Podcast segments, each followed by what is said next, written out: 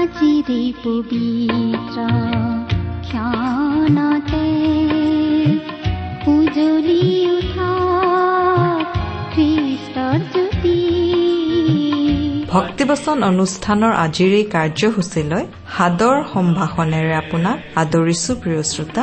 প্ৰিয় শ্ৰোতা ভক্তিবচন অনুষ্ঠানৰ আজিৰ এই শিক্ষা শুনিবলৈ আপোনাৰ বহুমূলীয়া সময় খৰচ কৰাৰ বাবে ধন্যবাদ। আপুনি খৰচ কৰা এই সময়খিনিত আপুনি জীৱনৰ এক বিশেষ আশীৰ্বাদ লাভ কৰিব বুলি বিশ্বাস কৰোঁ। আজিৰ এই অনুষ্ঠানে নিশ্চয় আপোনাক জীৱনৰ তৃপ্তি দান কৰিব। এই অনুষ্ঠানৰ শিক্ষাসমূহে আপোনাক আম্মিক আৰু পাৰিবাৰিক সকলো অৱস্থাতে সহায় কৰিব বুলি আশা কৰিছো। আমাৰ বিশ্বাস প্ৰভু যীশুৰ বাণীসমূহে আপোনাক প্ৰচুৰ জীৱনৰ সোৱাদ দিব পাৰে। তেওঁৰ বাক্যই আপোনাক জীৱনৰ সকলো পৰিস্থিতিত থিৰে থাকিবলৈ আৰু উন্নতিৰ পথেৰে অগ্ৰসৰ হবলৈ সহায় কৰিব।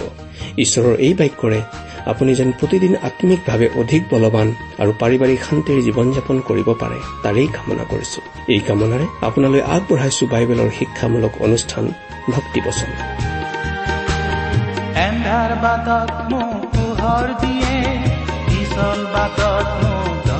নিয়ে। এন্ধাৰ বাটত মোক পোহৰ দিয়ে পিছল বাটত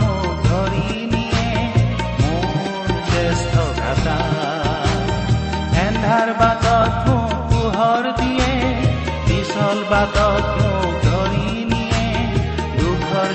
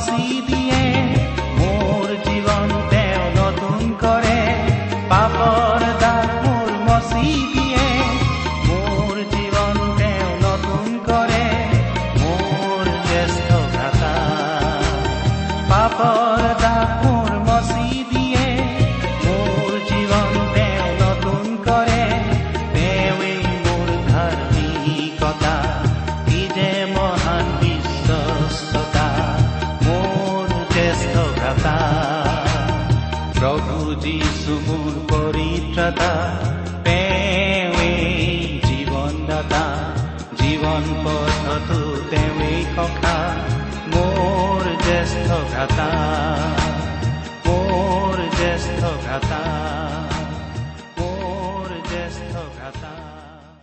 আমাৰ পৰম পবিত্ৰ প্ৰভু যীশুখ্ৰীষ্টৰ নামত নমস্কাৰ প্ৰিয় শ্ৰোতা। আশা কৰো মহান পিতা পৰমেশ্বৰৰ মহান অনুগ্ৰহত আপুনি ভালে কুশলে আছে। আপুনি বাৰু আমাৰ এই ভক্তিবচন অনুষ্ঠানটো নিয়মিতভাৱে শুনি আছেনে? শুনি কেনে পাইছে বাৰু? এই অনুষ্ঠান সম্বন্ধে আপোনাৰ মতামত দিহা পৰামৰ্শ আদি জনাই আমালৈ চিঠি লিখিবচোন। আহকচোন আজিৰ বাইবেল অধ্যয়ন আৰম্ভ কৰাৰ আগতে খন্তেক প্ৰাৰ্থনাত মূৰ দুৱাওঁ। স্বৰ্গত থকা অসীম দয়ালু পিতৃ ঈশ্বৰ তোমাৰ মহান নামৰ ধন্যবাদ কৰো। তুমি সৰ্বশক্তিমান সৰ্বব্যাপী সৰ্বজ্ঞানী ঈশ্বৰ হৈও আমাৰ দৰে ক্ষুদ্ৰ মানৱক যে ইমান প্ৰেম কৰা সেই কথা ভাবিলেই আচৰিত লাগে। তুমি আমাক ইমানেই প্ৰেম কৰিলা যে আমাক পৰিত্ৰাণ দিবলৈ তুমি তোমাৰ একেজাত পুত্ৰ যীশুখ্ৰীষ্টকেই আমালৈ দান কৰিলা। তেওঁ ক্ৰুচত নিজৰ পবিত্ৰ তেজেৰে আমাৰ পাপৰ প্ৰায়চিত্ৰ কৰিলে। আজি তেওঁত বিশ্বাস কৰি আমি অনন্ত জীৱন লাভ কৰি তোমাক পিতৃ বুলি মাতিব পৰা হৈছো তাৰ বাবে তোমাক অশেষ ধন্যবাদ পিতা। এতিয়া তোমাৰ মহান বাক্য বাইবেল শাস্ত্ৰ অধ্যয়ন কৰোতে প্ৰাৰ্থনা কৰিছো তুমিয়েই আমাৰ শিকাওঁতা হৈ আমাক শিকোৱা তোমাৰ বাক্য আমাক বুজাই দিয়া। তোমাৰ স্পষ্ট মাত আমাক শুনিবলৈ দিয়া। কিয়নো এই প্ৰাৰ্থনা আমাৰ মহান ত্ৰাণকৰ্তা মৃত্যুঞ্জয় প্ৰভু যীশুখ্ৰীষ্টৰ নামত আগবঢ়াইছো। আমেন।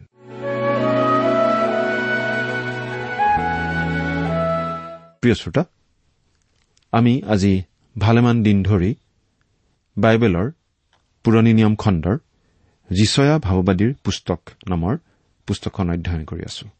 নহয়নে বাৰু? আমি ইতিমধ্যে যথেষ্টখিনি আগবাঢ়ি আহিলো। আৰু যদিহে আপুনি আমাৰ আগৰ অনুষ্ঠানটো শুনিছিল তেনেহলে আপোনাৰ নিশ্চয় মনত আছে যে আমি আগৰ অনুষ্ঠানত এই যিচয়া পুস্তকৰ ওঠৰ নম্বৰ অধ্যায়ৰ শেষৰটো পদলৈকে পঢ়ি আমাৰ আলোচনা আগবঢ়াইছিলো। গতিকে আজি আমি এই যিচয়া পুস্তকৰ ঊনৈশ নম্বৰ অধ্যায়ৰ এক নম্বৰ পদৰ পৰা আমাৰ আলোচনা আৰম্ভ কৰিম আৰু ঊনৈশ নম্বৰ অধ্যায়ৰ পোন্ধৰ নম্বৰ পদলৈকে পঢ়ি আমি অধ্যয়ন আগবঢ়াম।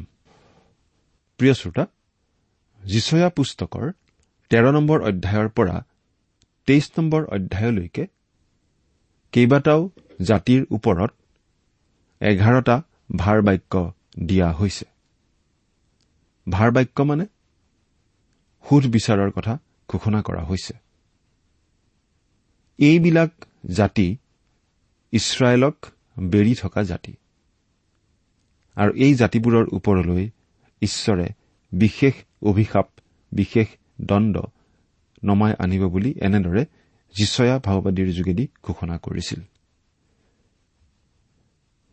এই জাতিবোৰৰ মাজৰ এটা জাতি হৈছে মিছৰীয়া জাতি। আৰু এই মিছৰীয়াবিলাকৰ দেশখন হৈছে মিছৰ দেশ যিখন ইজিপ্ত নামেৰে জনাজাত। যিচয়া পুস্তকৰ তেৰ নম্বৰ অধ্যায়ৰ পৰা তেইছ নম্বৰ অধ্যায়লৈকে যিচয়া পুস্তকখনৰ এনে এটা ভাগ যিটো ভাগে যিচয়াৰ ভাৱবাণীবোৰ যে সত্য আৰু সিদ্ধ হোৱা তাক প্ৰমাণ কৰি দেখুৱাইছে। আৰু এই ভাৱবাণীবোৰ সিদ্ধ হোৱাৰ কাৰণেই এইটো বৰ স্পষ্টভাৱে প্ৰমাণিত হৈছে যে বাইবেলখন সঁচাকৈয়ে ঈশ্বৰৰ বচন। অৰ্থাৎ এই তেৰৰ পৰা তেইছ নম্বৰ অধ্যায়লৈ যিবোৰ ভাৱবাণী যীশুৱাৰ যোগেদি দিয়া হৈছিল সেই গোটেই ভাৱবাণীবোৰ ফলিয়াই গৈছে। ইতিমধ্যেই সঁচা বুলি প্ৰমাণিত হৈছে। ইছৰাইল জাতিৰ সৈতে সম্পৰ্ক থকাৰ কথাত মিছৰৰ কথাই বাইবেলখনত যিমান প্ৰধান আৰু পৰ্যাপ্ত স্থান দখল কৰি আছে আন কোনো দেশ বা জাতিয়ে সিমান প্ৰাধান্য ইয়াত দখল কৰা নাই। কোনো জাতি বা দেশৰ মিছৰৰ সমান দীঘলীয়া ইতিহাস বাইবেলত নাই। আনহে নালাগে মিছৰৰ সমান দীঘল ইতিহাস বাইবেলত ইছৰাইলৰো নাই। বৰং মিছৰ দেশতেইহে ইছৰাইলৰ সন্তানসকলে এটা জাতি হিচাপে জন্ম লোৱা আমি দেখিবলৈ পাওঁ। জাকুবৰ পৰিয়ালৰ সত্তৰগৰাকী ব্যক্তি মিছৰ দেশলৈ নামি গৈছিল আৰু চাৰিশ বছৰ তাত তেওঁলোকে বাস কৰিছিল। চাৰিশ বছৰৰ ভিতৰত সেই সত্তৰজনৰ পৰা প্ৰায় পোন্ধৰ লাখ সংখ্যাৰ এটা জাতি হৈ ইছৰাইলৰ সন্তানসকল মিছৰৰ পৰা এসময়ত ওলাই আহিছিল। বাইবেলত উল্লেখ পোৱাৰ সময়ৰে পৰা আজিকো প্ৰতি এই মিছৰৰ ইতিহাস অব্যাহত আছে। এই মিছৰ দেশ পৃথিৱীৰ পৰা নোহোৱা হৈ যোৱা নাই। সেই জাতি বৰ্তি আছে। বৰ্তমানৰ যুগতো মিছৰৰ খবৰে বিশ্বৰ খবৰৰ স্থান অধিকাৰ কৰি আছে। এখন গুৰুত্বপূৰ্ণ দেশ হৈয়েই আছে এই মিছৰ দেশ। জিচয়াৰ এই ঊনৈশ নম্বৰ অধ্যায়ত মিছৰৰ বৰ গৌৰৱময় ভৱিষ্যতৰ কথা জিচয়াই ঘোষণা কৰিছে। মিছৰৰ অতীত বৰ্তমান আৰু ভৱিষ্যতৰ সকলো বিষয় এই অধ্যায়টোত আছে। বাইবেলত এই মিছৰে তেতিয়াৰ পৰাই স্থান পাইছে যেতিয়া অব্ৰাহাম তালৈ পলাই এটা পৰিস্থিতিৰ সন্মুখীন হৈছিল। তাৰ পাছত জাকুবৰ বা ইছৰাইলৰ এগৰাকী পুত্ৰ জোচেফকো সেই মিছৰ দেশলৈ বিক্ৰী কৰি পঠোৱা হৈছিল। আৰু এটা সময়ত কণান ভূমিত ঘূৰ আকাল হওঁতে জাকুবে আটাইকেইজন পুত্ৰ আৰু তেওঁলোকৰ পৰিয়ালৰে সৈতে মিছৰলৈ নামি গৈছিল। ইটাৰ পথাৰত ইটা বনোৱা কাম কৰি সেই মিছৰ দেশতেই ইছৰাইলে এক বৃহৎ জাতিৰূপে আত্মপ্ৰকাশ কৰিছিল। কিছুকালৰ পাছত ইছৰাইলৰ সন্তান অংগীকৃত দেশলৈ ঘূৰি অহাৰ পাছত জিহুদাৰ দুগৰাকী ৰজা আহজ আৰু হিচকিয়াই মিছৰৰ সৈতে মিত্ৰতা পাতি বৰ নিৰ্ভৰ কৰিব পৰা বিধৰ মিত্ৰ গোষ্ঠীৰূপে পাব কিন্তু পৰা নাছিল। পুৰণি নিয়ম আৰু নতুন নিয়মৰ অৰ্থাৎ মলাখী আৰু মঠিৰ মাজৰ কেইবাশ বছৰৰ নীৰৱ কালচোৱাটো ইছৰাইলৰ সন্তানসকলে মিছৰৰ হাতত জীয়াটো ভুগিব লগা হোৱা বুলি কোৱা হৈছে। আমাৰ প্ৰিয় প্ৰভু পৰিত্ৰাতা যীশুখ্ৰীষ্টৰ জন্মৰ পাছত দুবছৰমান বয়সৰ সময়ত তেওঁকো এৰাব নোৱাৰা কাৰণত মিছৰলৈ লৈ যাবলগীয়া হৈছিল। এক প্ৰকাৰে আমাৰ প্ৰিয় প্ৰভু যীশুৱে মিছৰ ভূমিকেই তেওঁৰ প্ৰাণ ৰক্ষাৰ ভূমিৰূপে মনোনীত কৰি লৈছিল। আৰু সেই প্ৰিয় প্ৰভু যীশুৰ শুভবাৰ্তা মিছৰলৈকো গৈছে। কিন্তু সেই জাতিয়ে শুভবাৰ্তা বুজি নাপায়। তাৰ মূল নুবুজি শুভবাৰ্তাৰ পৰা গা এৰাই আছে। এতিয়া আমি পাম এই মিছৰৰ ওপৰত ঘোষণা কৰা ভাৰ বাক্য। ঊনৈশ নম্বৰ অধ্যায়ৰ এক নম্বৰ পদৰ পৰা পোন্ধৰ নম্বৰ পদলৈ আজি আমি চাব খুজিছো। আমি বাইবেলৰ পৰা এতিয়া পাঠ কৰি দিম। যদিহে লগত বাইবেল আছে চাই যাব। আৰু যদি লগত বাইবেল নাই অনুগ্ৰহ কৰি মন দি শুনিব। আমি প্ৰথমতেই পাঠ কৰি দিব খুজিছো ঊনৈশ নম্বৰ অধ্যায়ৰ এক নম্বৰ পদ। চোৱা জিহুৱাই দ্ৰুতগামী মেঘত উঠি মিছৰ দেশলৈ গমন কৰিছে। তেওঁৰ সন্মুখত মিছৰৰ মূৰ্তিবোৰ অস্থিৰ হ'ব আৰু মিছৰীয়াহঁতৰ হৃদয় নিজৰ অন্তৰত গলি যাব। মূৰ্তি পূজা কৰা আচৰণৰ কাৰণেই অৰ্থাৎ ঘাইকৈ সেইটো কাৰণতেই মিছৰ দেশৰ ওপৰত ঈশ্বৰ জিহুৱাৰ ভাৰ বাক্য আহিছে। পাছত জিহিচকেল পুস্তক অধ্যয়ন কৰোতেও আমি দেখিবলৈ পাম যে মিছৰৰ পৰা প্ৰতিটো মূৰ্তি আঁতৰোৱা হ'ব। সেই কালত বাবিলত বাদে চাগে মিছৰৰ সমান কোনেও ইমান মূৰ্তি পূজা কৰা নাছিল।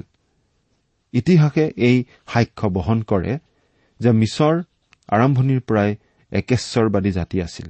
কিন্তু এটা সময়ত এনেকুৱা হৈছিলগৈ যে আকাশৰ তলত প্ৰায় প্ৰতিটো সৃষ্ট জীৱকেই তেওঁলোকে পূজা কৰিবলৈ লৈছিল যেনে ষাৰ গৰু ভেকুলী উৰহ পোক মাছ আৰু বিবিধ পক্ষী ইত্যাদি। মুচিয়ে ইছৰাইল জাতিটোক মিছৰৰ পৰা উলিয়াই আনিবৰ বেলিকা যি দহটা বস্তুৰ উৎপাতেৰে মিছৰক হেঁচা দিছিল। সেইবোৰৰ প্ৰায়বোৰেই আছিল সেই মিছৰ জাতিৰ উপাস্য দেৱতা। এটা সময় আহিল যেতিয়া মূৰ্তি পূজা প্ৰথা মিছৰৰ পৰা সম্পূৰ্ণৰূপে অন্তৰ্ধান হল। বাইবেলৰ ঈশ্বৰক নধৰিলেও মিছৰত বৰ্তমান মূৰ্তি পূজাৰ স্থান আৰু নাই। ভাৱবাদীসকলে মিছৰৰ ক্ষেত্ৰত দিয়া ভাৱবাণী ফলিয়াইছে। এতিয়া আমি দুই নম্বৰ পদটো পাঠ কৰি দিম। মই মিছৰীয়াহঁতক মিছৰীয়াহঁতৰ বিৰুদ্ধে উচতাম। সিহঁত প্ৰতিজনে নিজ ভায়েকৰ বিৰুদ্ধে নিজ ওচৰ চুবুৰীয়াৰ বিৰুদ্ধে যুদ্ধ কৰিব। নগৰৰ বিৰুদ্ধে নগৰে আৰু ৰাজ্যৰ বিৰুদ্ধে ৰাজ্যই যুদ্ধ কৰিব। মিছৰীয়াহঁত মিছৰীয়াহঁতৰ বিৰুদ্ধে মানে মিছৰীয়াসকলে সৰহদিন ফৰৌনসকলৰ শাসনৰ অধীনত নাথাকি বিদ্ৰোহ কৰিবলৈ আৰু নতুন ধৰণৰ শাসন ব্যৱস্থাৰ সূচনা কৰিবলৈ কাৰবাৰ কৰিব। আৰু ঠিক তেনেদৰেই হৈছিল।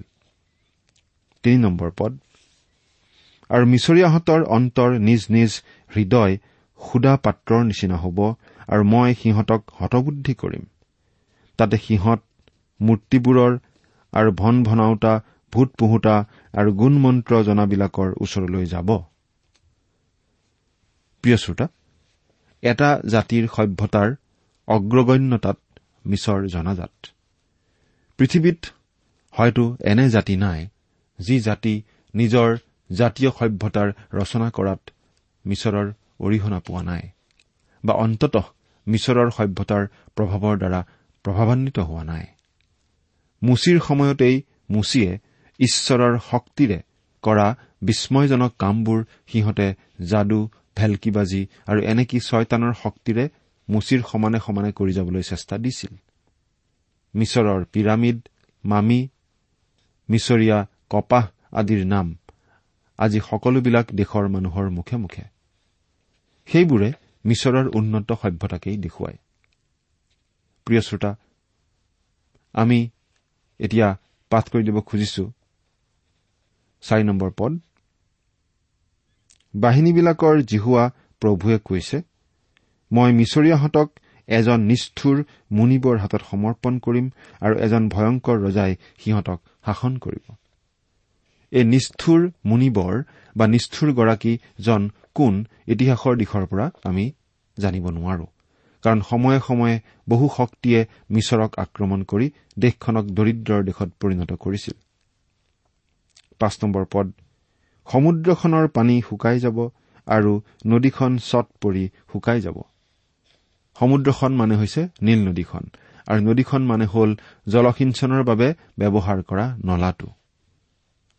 ছয় নম্বৰ পদ নৈবোৰ গোন্ধাব।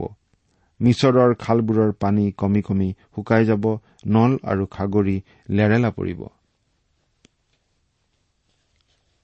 পানীৰ অভাৱৰ কাৰণে নৈ খালৰ পানী শুকোৱা খেতি বাতি ঘাঁহ বনবোৰ লেৰেলিবলৈ ধৰাৰ কথাকে ইয়াত কোৱা হৈছে। এটা বিশেষ কথাৰ বাবে সাত নম্বৰ পদটো পাঠ কৰি দিছো শুনিবচোন। নীল নদীৰ ওচৰৰ নীল নদীৰ দাঁতিৰ ঘাঁহনিবোৰ আৰু নীল নদীৰ পাৰত বোৱা সকলো শস্য শুকাই উৰি গৈ নাইকিয়া হ'ব? নীল নদীৰ ওচৰৰ বা দাঁতিৰ ঘাঁহনিবোৰ আচলতে ঠিক ঘাঁহনিয়েই অকল নহয় বৰং এবিধ খাগৰি বা ইকৰাজাতীয় বস্তু আছিল। যিটোক ইংৰাজীত পেপাৰ ৰিডছ বোলা হৈছে অৰ্থাৎ এয়া এনেবিধৰ ৰিডছ বা ইকৰা বা খাগৰিজাতীয় বৰ বন আছিল যিহৰ পৰা কাগজ তৈয়াৰ কৰা হৈছিল। এইবিধ বৰ বন নীল নৈৰ পাৰে পাৰে প্ৰচুৰ পৰিমাণে আছিল আৰু মিছৰে কাগজ তৈয়াৰ কৰা কুটিৰ শিল্প অনুষ্ঠানো গঢ়ি তুলিছিল। সেয়াও মিছৰ সভ্যতাৰ আন এটা দিশ আছিল। কিন্তু এইবিধ বৰ বন এতিয়া সমূলি নাইকিয়া হ'ল। সেইবোৰ নাইকিয়া হ'ব বুলি ঈশ্বৰে তেতিয়াই ভাৱবাণী কৰি থোৱা নাছিলনে এই যীশুৱে ভাওবাদীৰ যুগেৰে?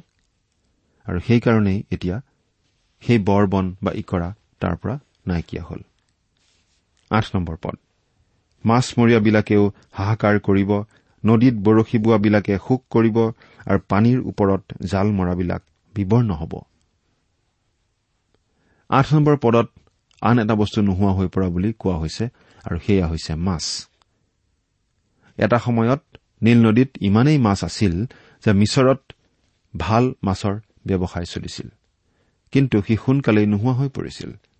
ইছৰাইলৰ সন্তানসকলে মিছৰৰ পৰা ওলাই যোৱাৰ পথত তেওঁলোকৰ মাছলৈ বৰ মনত পৰিছিল। বতা চৰাইৰ মাংস আৰু কিমান খাব? সেয়ে মিছৰ দেশৰ নীল নদীৰ মাছলৈ তেওঁলোকৰ বৰকৈ মনত পৰিছিল। কিন্তু ঈশ্বৰে যিচয়াৰ যোগেদি কোৱাইছিল যে মিছৰৰ নীল নদীত মাছ নাইকিয়া হৈ পৰিব। আজি মিছৰৰ নীল নৈত সঁচাকৈ আগৰ দৰে মাছ নাইকিয়া হৈছে। ন নম্বৰ পদ। তাত বাজে ফনিওৱা সন সূতাৰে কাম কৰাবিলাক আৰু শুক্ল বস্ত্ৰ বোৱাবিলাক লজ্জিত হ'ব। মিছৰৰ সন সূতাৰ শিল্পও চলিছিল। ইছৰাইল জাতিটোৱে যেতিয়া অৰণ্যত ভ্ৰমণ কৰি ফুৰিছিল তেতিয়া নিয়ম চন্দুক ৰখা আৰু জিহুৱাৰে সৈতে পুৰোহিতে সাক্ষাৎ হবৰ কাৰণে যি বিশেষ পজা তেওঁলোকে সাজিছিল সেই পজা সাজোতেও তেওঁলোকে মিছৰৰ সন সূতা ব্যৱহাৰ কৰিছিল। এটা সময়ত সন সূতাৰ ভাল শিল্প মিছৰত চলিছিল। সেই সকলোবোৰ শিল্প নাইকিয়া হ'ব বুলি ঈশ্বৰে এনেদৰে আগতেই কোৱাইছিল যিচয়া ভাওবাদীৰ যুগেৰে। আৰু এতিয়া বাস্তৱিকতেই সেইবোৰ নাইকিয়া হৈছে। এতিয়া আমি চাম দহ নম্বৰ পদটো। আৰু তাৰ স্তম্ভবোৰ দুখৰ দুখৰকৈ ভগ্ন হ'ব। বেজ খাই কাম কৰাবিলাকে মনত কষ্ট পাব। এই দহ নম্বৰ পদত কোৱা হৈছে শিল্পানুষ্ঠান ব্যৱসায় আৰু কুটিল শিল্পবোৰ বন্ধ হৈ অহাৰ ফলত বেচ লৈ কাম কৰা মানুহবিলাকৰো কাম নোহোৱা হৈছিল। নিবনুৱা সমস্যাই বৰ প্ৰকট ৰূপ লৈছিল। এঘাৰ নম্বৰ পদ সোৱনৰ মুখ্য লোকবিলাক একেবাৰে মূৰ্খ আৰু মন্ত্ৰণাৰ বিষয়ে হলে ফৰৌনৰ সকলোতকৈ জ্ঞানী মন্ত্ৰীবিলাক পশুতুল্য মই জ্ঞানীবিলাকৰ পুত্ৰ প্ৰাচীন ৰজাবিলাকৰ সন্তান এই বুলি ফৰৌনৰ আগত তোমালোক প্ৰতিজনে কেনেকৈ ক'ব পাৰা?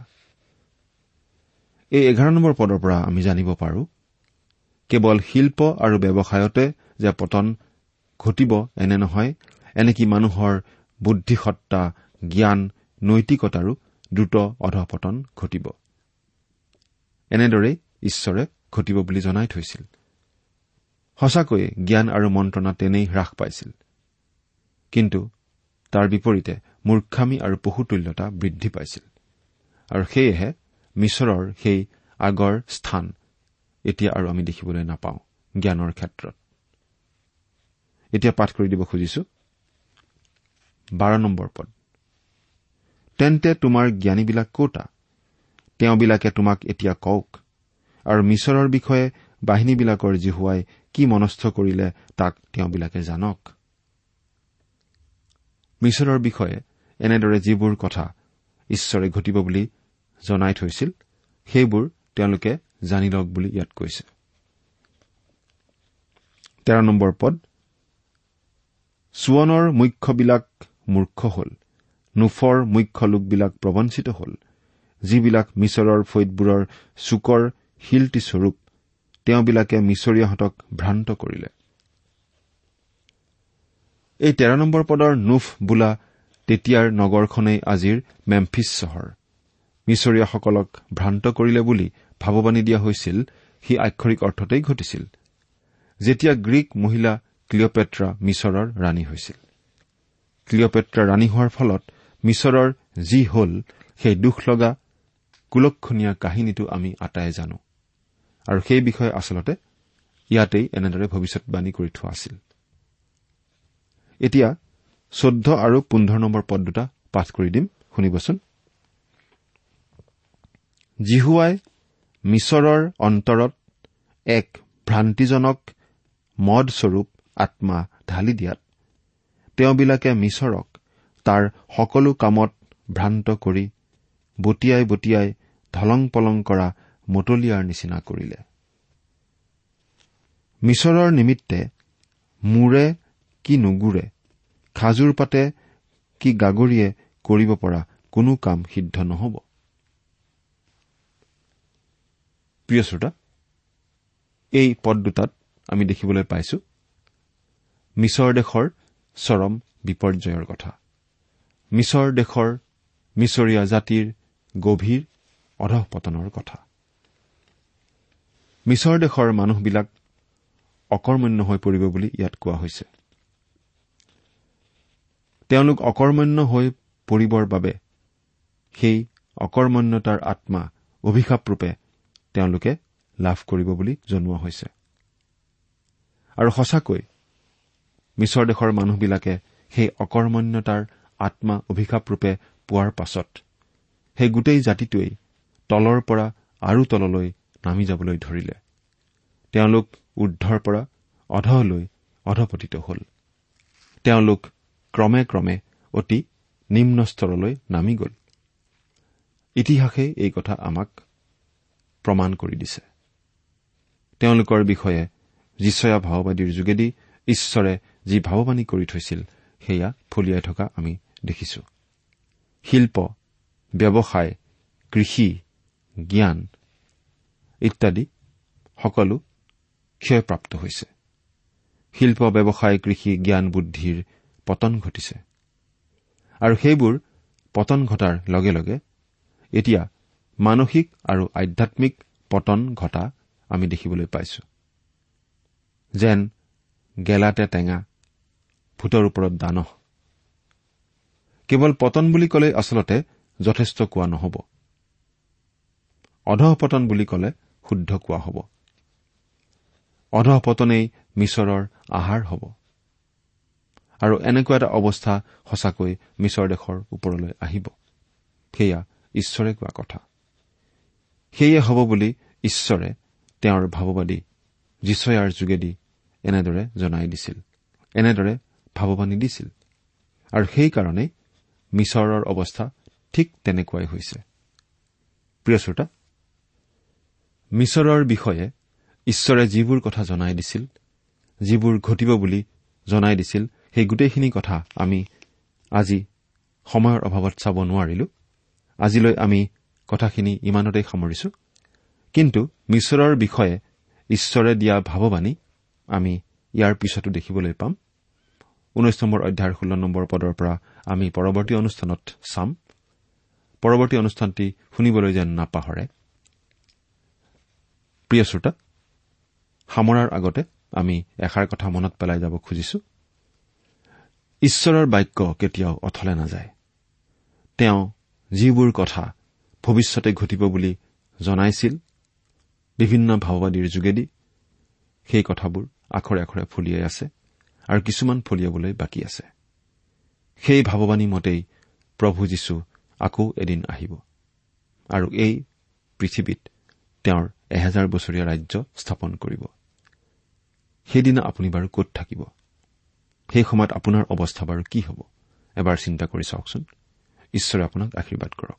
আমেন। নুবুজিলা তুমি বন্ধু। প্ৰিয় শ্ৰোতা ইমান পৰে আপুনি বাইবেল শাস্ত্ৰৰ পৰা ঈশ্বৰৰ বাক্য শুনিলে। এই বিষয়ে আপোনাৰ মতামত জানিবলৈ পালে আমি নথৈ আনন্দিত হ'ম। আমি প্ৰস্তুত কৰা বাইবেল অধ্যয়নৰ চিডিসমূহ পাব বিচাৰিলে আৰু অনুষ্ঠানত প্ৰচাৰ কৰা কোনো কথা বুজিব লগা থাকিলেও আমালৈ লিখক। আমাৰ যোগাযোগৰ ঠিকনা ভক্তিবচন ট্ৰান্সৱৰ্ল্ড ৰেডিঅ' ইণ্ডিয়া ডাক বাকচ নম্বৰ সাত শূন্য গুৱাহাটী সাত আঠ এক শূন্য শূন্য এক। ঠিকনাটো আকৌ এবাৰ কৈছো ভক্তিবচন ট্ৰান্সৱৰ্ল্ড ৰেডিঅ' ইণ্ডিয়া ডাক বাকচ নম্বৰ সাত শূন্য গুৱাহাটী সাত আঠ এক শূন্য শূন্য এক। প্ৰভু যীশু আহিছিল এই পৃথিৱীলৈ পাপী মানুহক পাপৰ পৰা উদ্ধাৰ কৰিবলৈ নুবুজিলা। আমাৰ ইমেইল এড্ৰেছটো হৈছে Assamese T TV at the rate radio' eight eight two dot com আমাৰ website W W W dot T W R dot in আপুনি টেলিফোনৰ মাধ্যমেৰেও আমাক যোগাযোগ কৰিব পাৰে। আমাৰ টেলিফোন নম্বৰটো হৈছে nine eight five four zero' four zero' eight eight nine. Phone নম্বৰটো আকৌ এবাৰ কৈছো ন আঠ পাঁচ চাৰি শূন্য চাৰি শূন্য আঠ আঠ ন। আপুনি এই ভক্তিবচন অনুষ্ঠানটি আমাৰ website W W W dot radio' eight eight two dot কমতো শুনিব পাৰিব। আজিৰ অনুষ্ঠানটি ইমানতেই সামৰিছো। ঈশ্বৰৰ শান্তি আৰু অনুগ্ৰহ আপোনাৰ লগত থাকক। ধন্যবাদ। শুনা বন্ধু প্ৰভু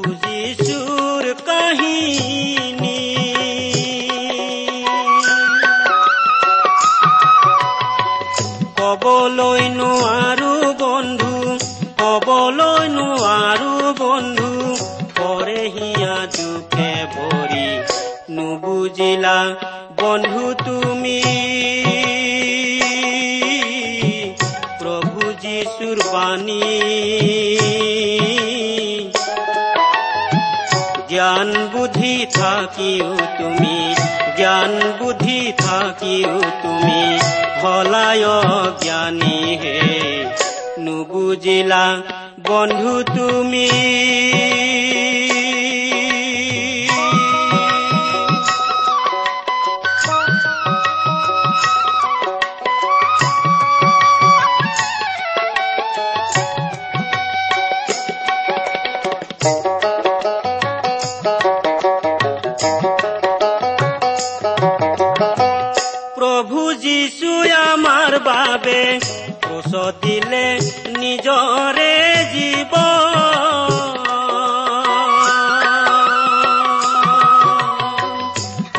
যে যাতনা ভুঞ্জিলে